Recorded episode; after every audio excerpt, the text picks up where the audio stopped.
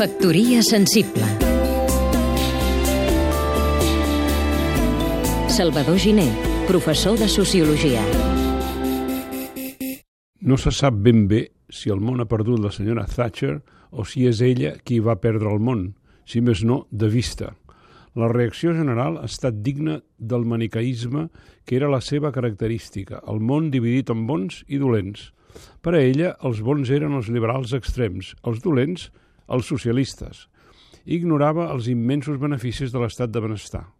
En una ocasió va dir que els sociòlegs eren marxistes, quan només una minoria minúscula ho era. Va destruir els sindicats, com si fossin enemics del poble.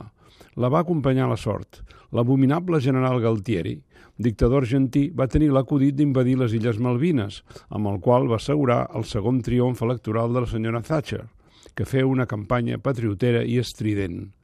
Els conservadors d'origen humil solen ser sempre més papistes que el papa. De fet, són ultres. Factoria sensible Seguim-nos també a catradio.cat